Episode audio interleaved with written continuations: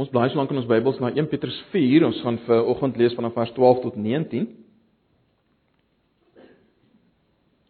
As ons die plekke kom ons uh, raak net rustig weer en ons vra dat die Here vir ons wil help om te hoor wat hy sê, te verstaan.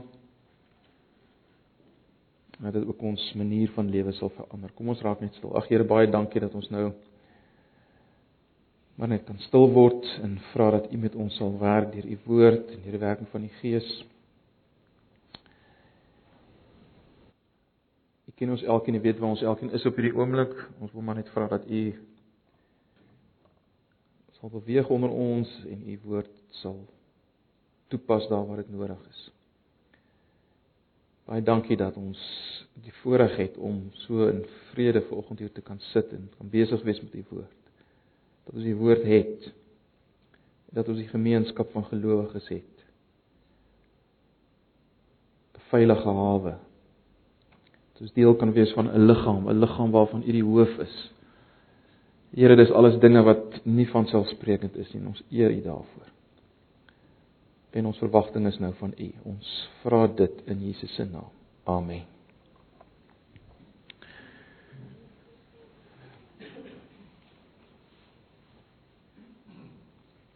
Goed, 1 Petrus 4 vanaf vers 12. Ek lees maar die 53 vertaling.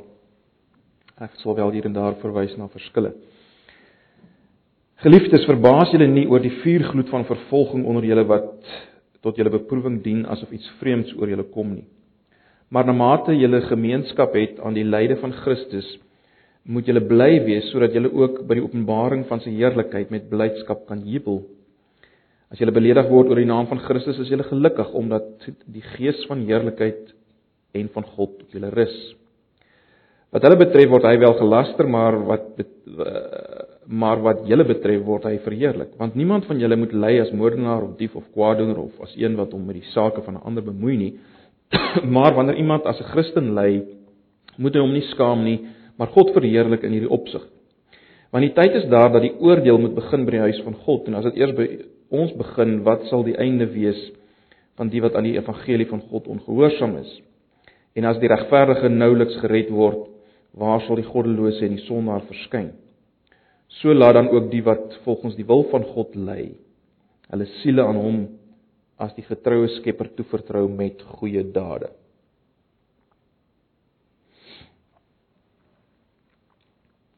Nou, verlede Sondag het ons gekyk na 1 Petrus 4 vers 7 tot 11.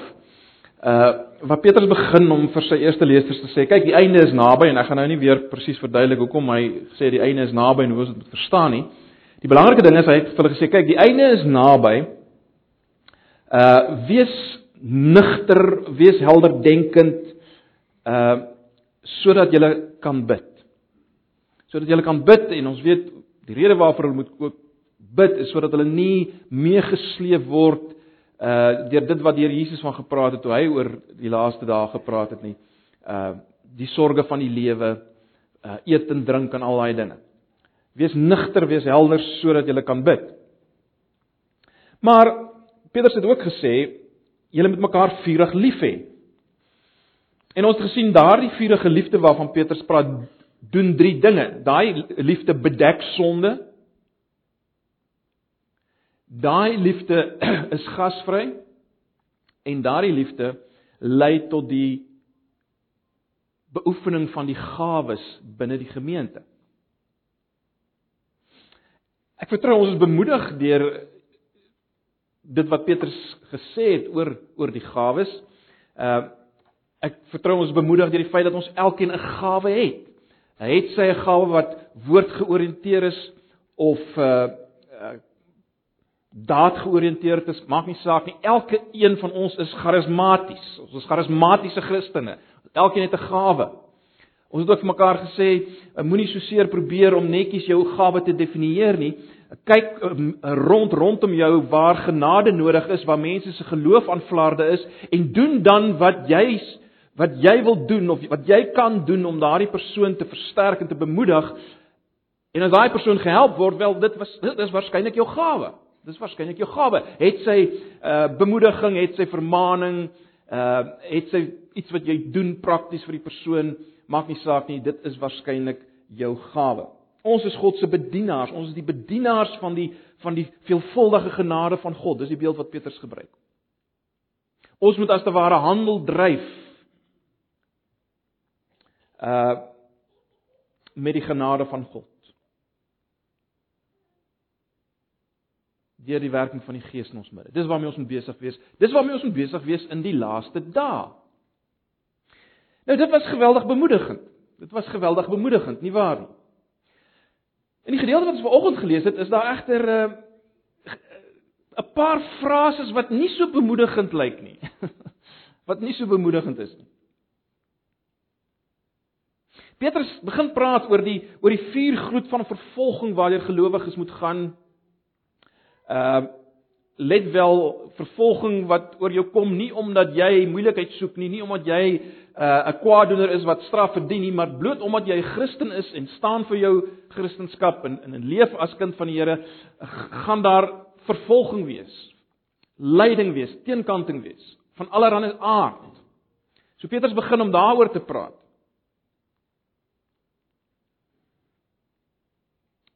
Maar dan maak hy in vers 17 tot 19 op die oog af ontstellende uitsprake, né? Nee, die eerste skokkende stelling wat hy maak is in vers 17 as hy sê die oordeel moet begin by die huis van God. Die oordeel moet begin by die huis van God. En en, en dit maak 'n ou bietjie ongemaklik. Dis 'n bietjie van 'n skokkende uitspraak. Ek meen, is ons dan nie vrygespreek van God se oordeel nie?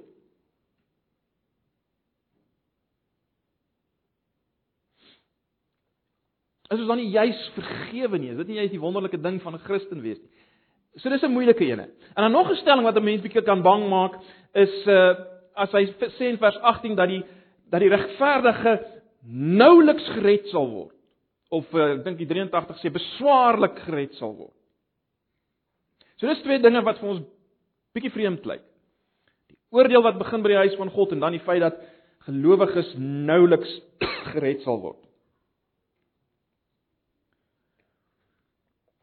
Want hoe moet mense dit verstaan? Ek meen, is ons dan is ons redding dan nie 'n heerlike seker saak nie? Is Jesus se verlossingswerk dan nie heeltemal genoegsaam nie? Kan ons nog juig oor die vastigheid van ons verlossing as as daar oordeel is en ons nouliks gered word? Kan ons dan juig oor die vastigheid van ons verlossing? Is ons redding in die weegskaal? Uh is dit wat Petrus probeer sê. Hoe rym dit wat hy hier sê met die res van die Nuwe Testament en met wat Petrus self al in sy brief gesê het? Uh Paulus het tog in die begin van sy brief vir gelowiges juis verseker dat hulle in die krag van God bewaar word. En dit is baie interessant die die die hele konteks daar uh waar hy dit sê, gaan juis oor beproewing en dat ons ons moet verbly in beproewing. Luister net miskien weer na 1 Petrus 1 vers 3. Ek lees dit maar weer vir julle. Jy kan of dit naslaan of net luister. In 1 Petrus 1 vers 3 sê Petrus: "Geseënd is die God en Vader van ons Here Jesus Christus wat na sy groote barmhartigheid ons die wedergeboorte geskenk het tot 'n lewende hoop deur die opstanding van Jesus Christus uit die dode." sodat ons 'n onverganklike en onbesmette en onverwelklike erfenis kan verkry wat in die hemele bewaar is vir ons wat in die krag van God bewaar word deur die geloof tot die saligheid wat gereed is om openbaar te word in die laaste tyd. Daarin verheug julle julle al word julle nou as dit nodig is 'n kort tydjie beproef of bedroef onder allerlei beproewinge. So in die lig van sulke uitsprake, hoe moet ons hierdie verwysing na die oordeel en die nouliks gered of die beswaarlik gered verstaan? So ek wil hê ons moet bietjie daarna kyk uh en en vanuit daai hoek na hierdie verse kyk en dan uh, sal julle sien hoe die res van die verse ook ook daarbey inpas. Ek dink daar's twee sake wat ons help om Petrus se uitspraak hier in vers 17 tot 19 te verstaan. En en eerstens weer eens is is die onmiddellike konteks belangrik waarin hy hierdie uitsprake maak en in die tweede plek is die Ou Testamentiese agtergrond belangrik. Kom ons dink net aan die konteks. Die hele paragraaf van vers 12 tot 19 gaan oor die lyding en vervolging wat Christene ervaar. So dit lyk vir my die oordeel van vers 17 en die ly van vers 13 en ook vers 19 is dieselfde ding. Dis dieselfde ding. Ek sê weer, die die oordeel waarvan vers 17 praat en die lei van vers 13 en 19 lyk vir my dis dieselfde ding.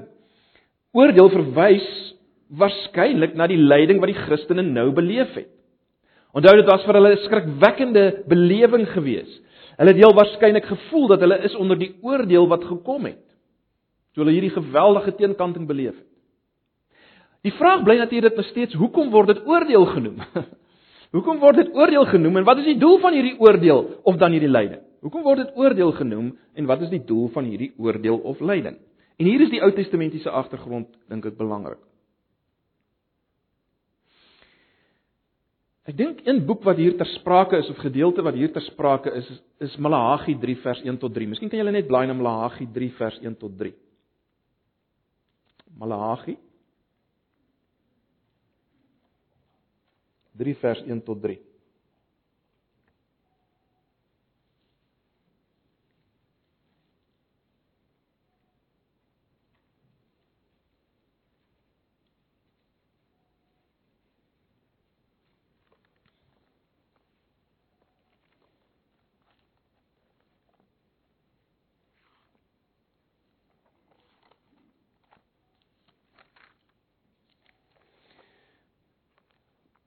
Ek gaan maar die 83 53 vertaling lees. Malagi 3 vers 1 tot 3.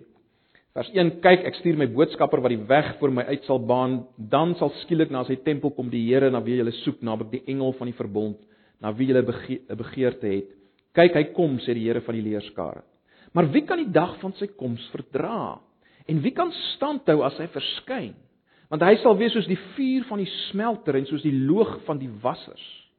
En hy sal sit 'n smelter en reiniging van silwer en hy sal die seuns van Lewi reinig en hulle louter soos goud en soos silwer sodat hulle aan die Here in geregtigheid 'n offer sal bring. Nou hier gaan dit oor 'n oordeelsvuur wat suiwer, né? Nee, dis baie duidelik. Wat God se volk suiwer en natuurlik is hier baie duidelik verwysing na die Nuwe Testamentiese tyd. Uh ek meen die die, engel van die verbond wat sou kom is natuurlik niemand anders as Jesus self nie. Dit, gaan hier oor 'n oor 'n oordeelsvuur wat suiwer wat God se volk sal suiwer en so sê hier is 'n verwysing na die toekoms en en baie duidelik hierdie vuur vernietig nie maar dit het 'n positiewe doel. As ons kyk na vers 3 van Malagi 3.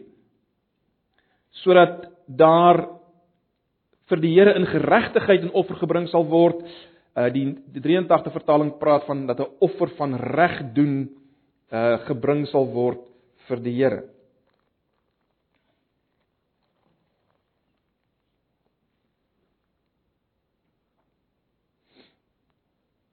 Met ander woorde hierdie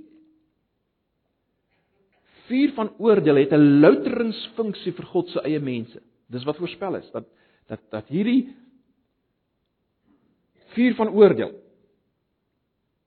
wat samehang met dit wat Jesus kom doen 'n louteringsfunksie het vir God se mense.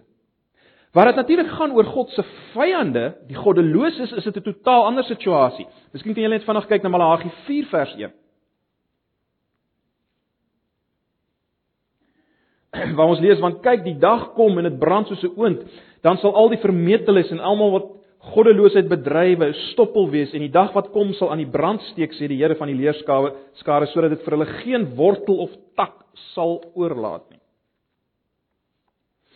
So, wat sien ons? Ons sien dat die die oordeelsvuur van God, daai hele gedagte wat vanuit die Ou Testament kom, het 'n dubbele funksie. En hierdie dubbele funksie wat ons kry soos in Malagi help ons om om te verstaan hoekom daar ook gepraat kan word oor 'n oordeel wat oor God se huis kom. Wat natuurlik hier verwys na die die gemeente, die kerk van die Here. Hierdie dubbele funksie van God se oordeel vanuit die Ou Testament verstaan help ons om te verstaan dat God se eie huis ook geoordeel word. Hierdie oordeel, hierdie vuurproef as jy wil, beteken nie dat Christene tot die verdoemenis verwerp word nie. Dis nie 'n oordeel in daardie sin nie, baie duidelik nie. Maar dit beteken dat God beproewinge, vervolginge, lyding gebruik om sy mense te suiwer. En en dis natuurlik nie iets nuuts in die boek Petrus nie. Petrus hak eintlik aan by hy hak aan by temas wat hy klaar gebruik het, nê. Nee. Uh hy verwys in hoofstuk 1 vers 7 alreeds na die louter loof. As hy sê sodat die beproefdheid van julle geloof wat baie kosbaarder as goud wat vergaan, maar deur vuur gelouter word, bevind mag word tot lof en eer en heerlikheid by die openbaring van Jesus Christus. So reeds in 1 vers 7 het het Petrus verwys na hierdie hierdie hierdie louteringsproses van gelowiges. Petrus het ook alreeds verwys na na God se oordeel wat sonder aanneming van persoon sal wees. Uh dis weer in 1 vers 17, né? Nee, in 1 vers 7 praat hy van die loutering van ons geloof en 1 vers 17 van 'n oordeel wat sonder aanneming van persoon sal wees. Ons lees in vers 17 van hoofstuk 1 en as julle hom as Vader aanroep wat sonder aanneming van die persoon oordeel volgens elkeen se werk, wandel dan in vrees gedurende die tyd van julle vreemdelingskap.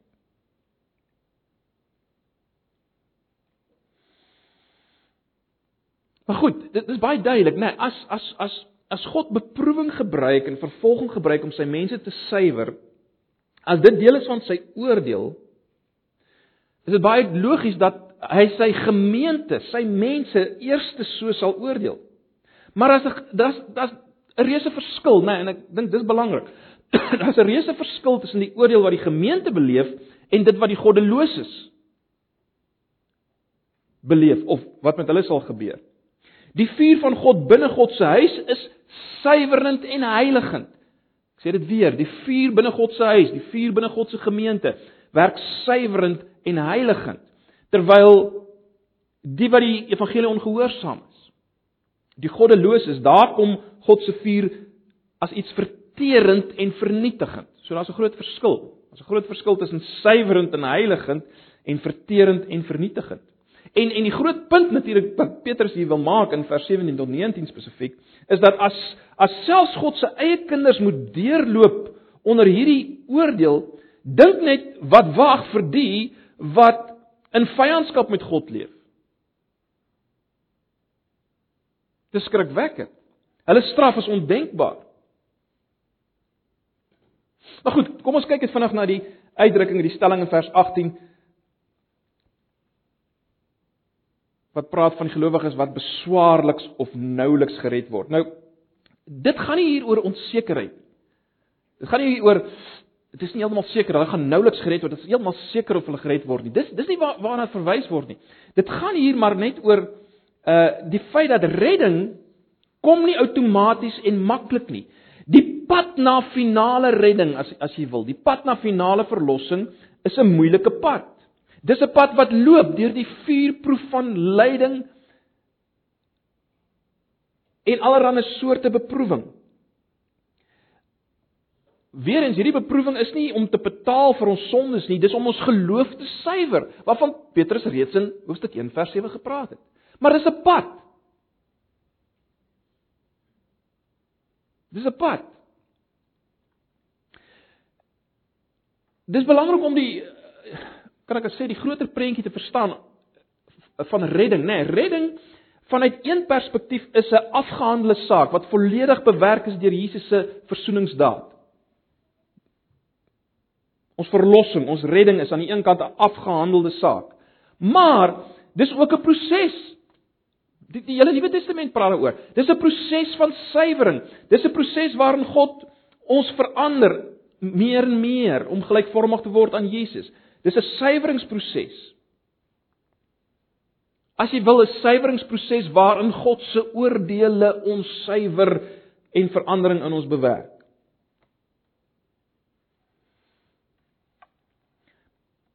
Maar dit is baie belangrik. Petrus maak 'n baie positiewe konklusie in vers 19 oor hierdie hierdie oordeel van God, hierdie suiweringswerk van God. Kyk na vers 19. So laat dan ook die wat volgens die wil van God lei. sien julle daar praat hy, hy het nou net gepraat van die oordeel en nou praat hy in vers 19 weer van lei. En ek het alreeds gesê dit dit dit bevestig dat ons hier met 'n sinonieme ding te doen het. Petrus sê so laat dan ook die wat volgens die wil van God lei, hulle siele aan hom en as die getroue Skepper toevertrou met goeie dade. So wat sê Petrus? Hy sê hierdie lyding wat die oordeel is of hierdie oordeel wat die lyding is is volgens God se wil. Dis volgens God se wil. En daarom kan hulle positief wees. En daarom kan hulle volkome hulle lewens aan God toevertrou. Juis omdat hulle as Christen kan weet dat God se bedoeling met hierdie vuur van lyding, hierdie oordeel is positief. Daarom kan hulle hulle self toevertrou aan hom. Daarom kan hulle self oorgee aan hom. Want hulle weet dis positief.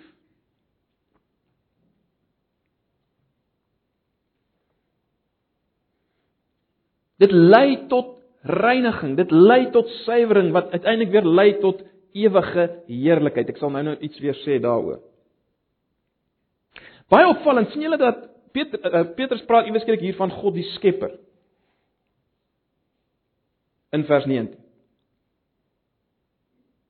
So laat dan ook die wat volgens die wil van God lei, hulle siele aan hom as die getroue Skepper toevertrou met goeie dade. Ook die 83 praat van die getroue Skepper en aanhou goed doen. Jy sien juis omdat God die Skepper is, is hy die beste bewaarder waaraan 'n mens kan dink. Juis omdat hy die Skepper is in hierdie situasie van teenkanting, van swaar kry, van lyding, van allerlei aard. Juis daarom is hy die beste bewaarder waarna 'n mens kan dink. Jy sien God is nie maar net een van baie rolspelers nie. God is die draaiboekskrywer en die regisseur. Hy's nie maar net 'n faktor wat meewerk in ons uiteinde nie. Hy is die faktor, hy's die allesbepalende een.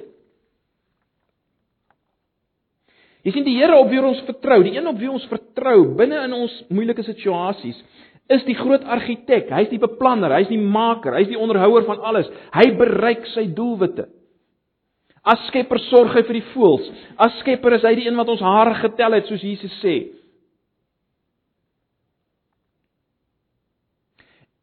En jy's as gevolg daarvan het hierdie het hierdie vertroue 'n baie praktiese kant. En en ek wil dit so stel. Eerstens het dit 'n praktiese uitwerking in ons gebed. Ons kan in gebed met blymoedigheid ons aan die Here se wil onderwerp. Ons kan vir die Here sê, Here, U is U is besig met my. Ek besef U is besig met my. Ek weet U leer my in hierdie swaar kry van watter aard of of van watter aard dit ook al mag wees, verander my, suiwer my in hierdie proses. Dankie Here. Prys U daarvoor. Miskien klink dit snaaks as ons dit so stel, né? Nee. As ons as ons sê ons moet die ons moet die Here as daar ware prys daarvoor. Maar dit is die hele gedagte wat in vers 13 en 14 na vore kom het. Onthou nou, ons het gesê lyding is dieselfde as oordeel. As dit so is, as ons sê dat lyding dieselfde as die oordeel is of die oordeel dieselfde as die lyding is en dat dit die wil van God is, dan dan moet ons baie mooi, mooi kyk ook na vers 13 tot 14. Want daar is dit nog duideliker hoekom ons lyding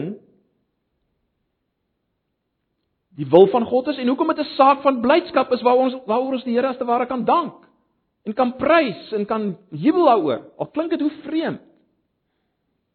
Kyk weer na vers 13 en 14. So ons beweeg net terug.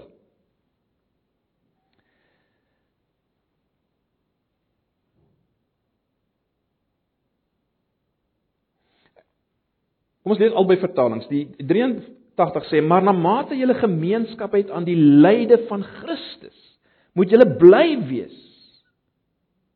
sodat julle ook by die openbaring van sy heerlikheid met blydskap kan jubel." As jy beledig word oor die naam van Christus, is jy gelukkig.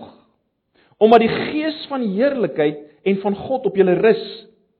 Wat hulle betref word hy wel gelaster, maar wat julle betref word hy verheerlik. Kom ons lees net die die uh die 83 ook. Wees liewer bly hoe meer julle in die lyding van Christus deel, want dan sal julle ook oorloop van vreugde by sy wederkoms in heerlikheid. Geseënd is julle wanneer julle beledig word ter wille van die naam van Christus. Dis 'n bewys dat die gees van heerlikheid, die gees van God op julle bly. So is belangrik om om dit raak te sien. Onthou nou wat is God die Skepper se groot wil? God die Skepper se groot wil was nog altyd Jesus. Jesus. Jesus die Alfa en die Omega van die geskiedenis. Jesus het God se wil gedoen deur die pad van die kruis, deur lyding en oordeel na heerlikheid. Ons het al so baie daaroor gepraat. Dis die pad wat Jesus die eerste of as ek so sê Jesus die laaste Adam, Jesus die eerste van die nuwe mensdom.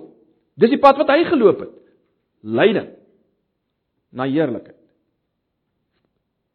Vervolging, swaar kry, noem dit wat jy wil, na heerlikheid. En daarom ons as gelowiges is in die wil van God as ons gemeenskap, dis die woord wat Petrus gebruik. As ons deel het aan hierdie tipe swaar kry en lyding, soos Jesus, want dan het ons deel aan hom, die eerste nuwe mens, die laaste Adam. Dit word bevestig in vers 14 as as Petrus sê, as julle al deur al hierdie goed deurgaan, As jy so uitgestoot word en swaar kry en ly, dan rus die gees van God op julle, die gees van heerlikheid en die gees van God rus op julle. Soos die gees gerus het op Jesus. Julle sal weet by die by die doop van Jesus het die die Heilige Gees neergekom op Jesus voor hy begin het met sy bediening, voor hy begin het om die pad te loop van lyding en swaar kry en verwerping en bespotting en uiteindelik kruisiging, het die Gees van God op hom neergedaal. En nou sê Petrus, as julle deur al hierdie moeilikhede gaan, dan kan julle weer die gees van heerlikheid rus op julle. Dis is dit natuurlik 'n belangrike perspektief. Dikwels word die gees en die Heilige Gees is se werking word gekoppel aan aan 'n soort van 'n triomfantelike lewe, dit 'n oorwinnende lewe. Maar hier sien ons die teken dat die Heilige Gees op my rus, is teenkant en vervolging, swaar kry, lyding. Want dan het ek die gees van Jesus, want dis die pad wat die gees met Jesus geloop het. Totaal anders as wat as wat dikwels raak gesien word. Dikwels dink mense as dit swaar gaan by en as teenkanting dan dan dan dan dan's ek juist nie dan's ek dan's ek juist nie besig met hierdie oorwinnende geesvervulde lewe nie. Dis nie wat hier staan nie. So dis dis geweldig belangrik om dit te sien. Daarom kan ons blymoedig wees. Daarom is hierdie oordeel die wil van God.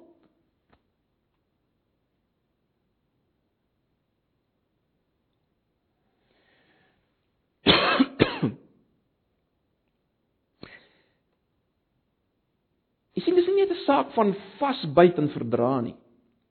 Hierdie hierdie teenkanting wat ons as gelowiges skryf van watter aard ook al is nie net 'n kwessie van byt net vas en verdra, dit is nou maar die pad van Christen wees.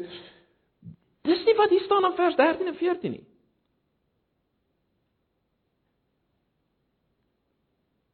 En in die res van Petrus. Dis 'n saak om om letterlik oorbly te wees.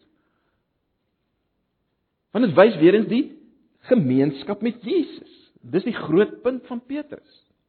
Dis die gemeente wys die deel wees aan Jesus. Maar ek dink tog dat hier hier is wel dis eintlik wat ons sien in vers 19 nê dat hierdie hierdie hierdie hierdie hierdie oordeel, hierdie lyding roep op tot nog iets prakties. En dis wat ons kry in vers 19, se laaste gedeelte. Jy sien daar moet by ons meer wees as om net te sê kyk ek vertrou op die Here in moeilike tye, uh in, in die tye van teenkanting en uh verstoting en en en en valse stories wat oor my versprei word en wat die geval ook mag wees. Dit gaan oor meer as net ek vertrou op die Here in hierdie tye. Daar moet 'n aktiewe verbintenis wees tot goeie dade, juis in tye van lyding en beproewing. Dis dis die punt van vers 19. So laat dan ook die wat volgens die wil van God ly waaroor ons nou gepraat het, hulle siele aan hom as die getroue Skepper toevertrou met goeie dade. Die 83 sê daarom moet die wat ly omdat God dit wil, hulle lewe toevertrou aan die getroue Skepper en aanhou goed doen en aanhou goed doen. Met ander woorde, wanneer dit swaar gaan, doen des te meer goed. Wanneer dit swaar gaan, doen des te meer goed. Hoe swaarder dit gaan, hoe meer moet jy konsentreer op goeie werke.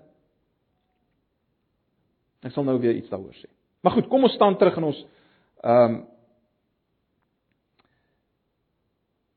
Ons maak 'n paar opmerkings. Uh, miskien net voor ek dit doen. Weerens as mens dink aan ek sê hoe swaarder dit gaan, hoe meer moet ons konsentreer op om goeie dinge te doen. Ek ek dink nou vir 'n oomblik net aan Jesus, nee, ek dink net weer aan Jesus. Jesus op pad na Golgotha in die tuin. Onthou julle toe Petrus Malchus se oor afkap.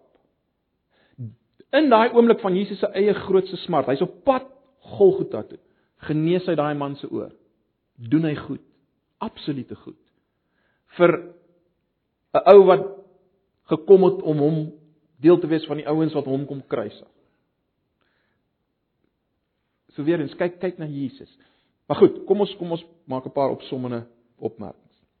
Die eerste ding wat ons in hierdie gedeelte sien is dat God maak 'n baie duidelike onderskeid tussen sy kinders en die res van die mensdom, die vyandige mensdom. Hy tree verskillend op. Christene word nie saam met die wêreld geoordeel nie, maar hulle word nou gesuiwer deur beproewing en tugtiging. Dis 'n verskil. Christene word nou gesuiwer deur beproewing en tugtiging van alle aard. Kan baie forme aanneem, hoor, verskillende forme. Elkeen van ons anders. En dis 'n ontsettende bemoedigende gedagte. Terloops, mens kry dit ook in die res van die Nuwe Testament. Kom ek gee vir julle een gedeelte waar dit miskien die die die, die mooiste saamgevat word, presies wat ons nou gesê het, maar net miskien bietjie in ander woorde, maar presies dit. Kyk 'n bietjie na 1 Korintiërs 11 vers 32.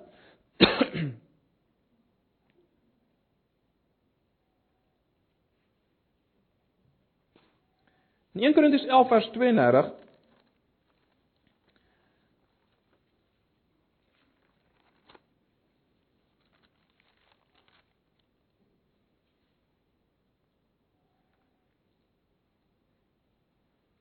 Ek sal weer altyd vertalings lees. Die 53 vertaling van 1 Korintiërs 11 vers 32 lees so: Maar as ons, let wel, let op die woorde. Maar as ons geoordeel word, word ons deur die Here getuigtig sodat ons nie saam in die wêreld veroordeel mag word nie. sien julle dit?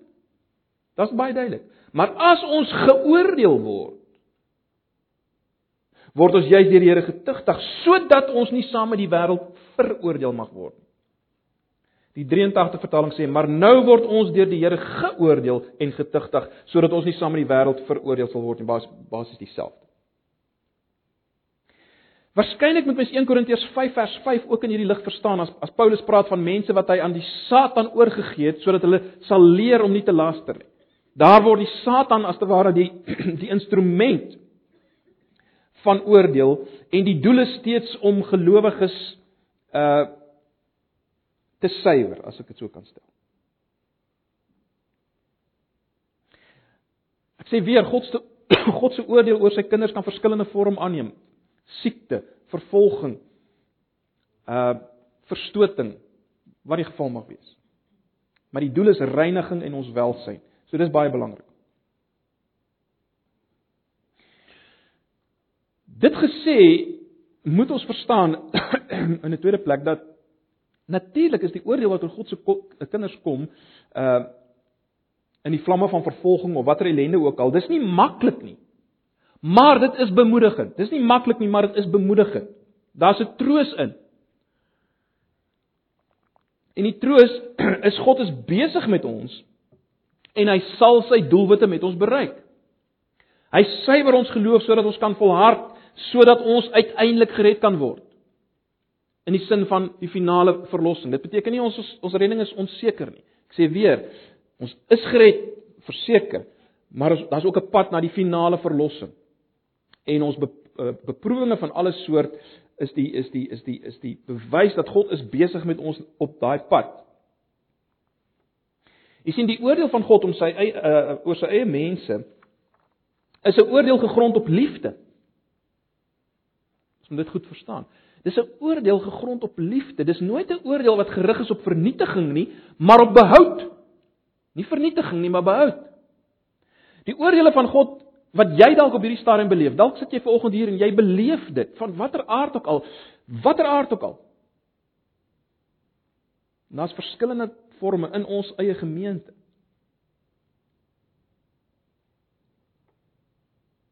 Wees vertroos met die wete God is besig met my.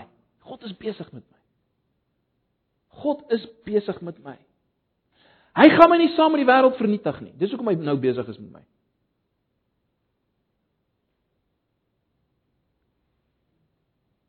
En weer eens, hy stap met my die pad wat hy met Jesus gestap het. En dit is die pad van die Gees en dis die pad van eintlike vreugde.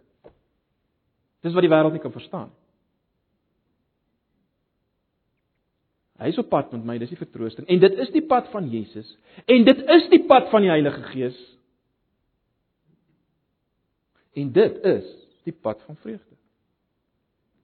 Dink ons moet iets daarvan raak sien in hierdie gedeelte. Ons het ook vir mekaar gesê die oordeel wat ons nou beleef in lyding is God se wil. Met ander woorde, dis nie toevallig nie. Dis nie die die noodlot nie. Dis nie die sameloop van omstandighede nie. En daarom is ons reaksie daarop geweldig belangrik. Ons kan niks daaraan doen nie om dit te verander nie. Die vraag is hoe ons gaan reageer daarop. En dis belangrik. Eh, eh, eh, ons moet dit ons moet dit noem want ons moet onthou al hierdie vervolging en swaar kry en al die forme waarvan ons nou gepraat het, is ten diepste 'n goddelike handeling En juist daarom moet ons daarteen waak dat ons nie as ons dit deurgaan in verbittering reageer nie. En moedeloos word nie. Dit is so maklik as ons teenkanting kry in sosiale konteks dat ons onsself onttrek van mense en sê ag As hulle dit vir my so moeilik maak, ek onttrek my van hulle, ek het niks meer met hulle, ek wil niks met hulle te maak hê nie. Met ander woorde om 'n om 'n kloostermentaliteit te ontwikkel. Dis baie maklik as dit begin swaar gaan en ons kry teenkanting in in die uh, uh, waar ons beweeg, het sy by my in my werkomstandighede waar dit ook al mag wees. Dis ons natuurlike reaksie. Dis ons natuurlike reaksie. Maar ons word opgeroep in hierdie gedeelte in vers 19b om voort te gaan om goed te doen. Hoekom? Want ons weet wie's die eintlike een wat as te ware sit agter hierdie al hierdie hierdie swaar kry.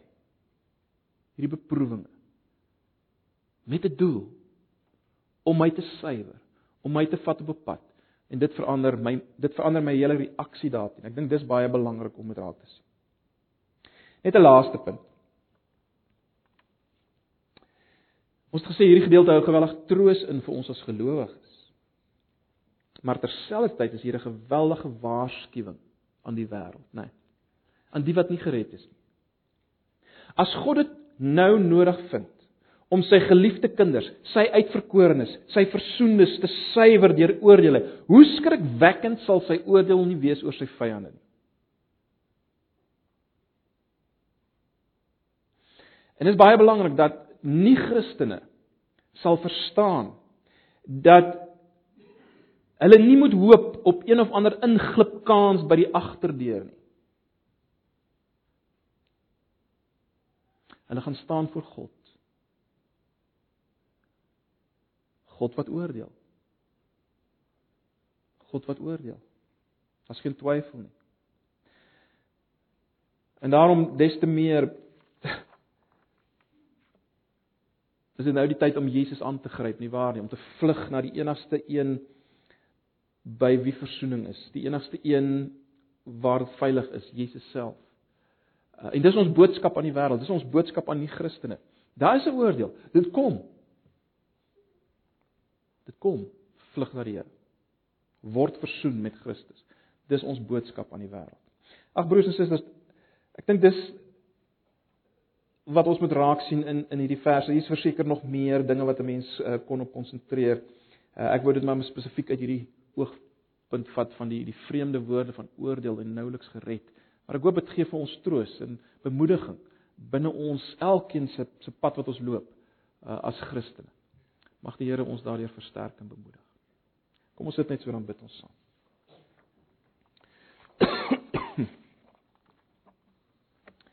Ja Here, baie dankie vir u woord. Wat sou ons gedoen het sonder u woord? Dankie vir die vertroosting en die perspektief wat ons ook volgens kon kry deur u woord. Dankie dat ons bewus is is besig met ons. En Here, ons erken en bely en ek self erken dit dat ons dit nie altyd wil hê nie.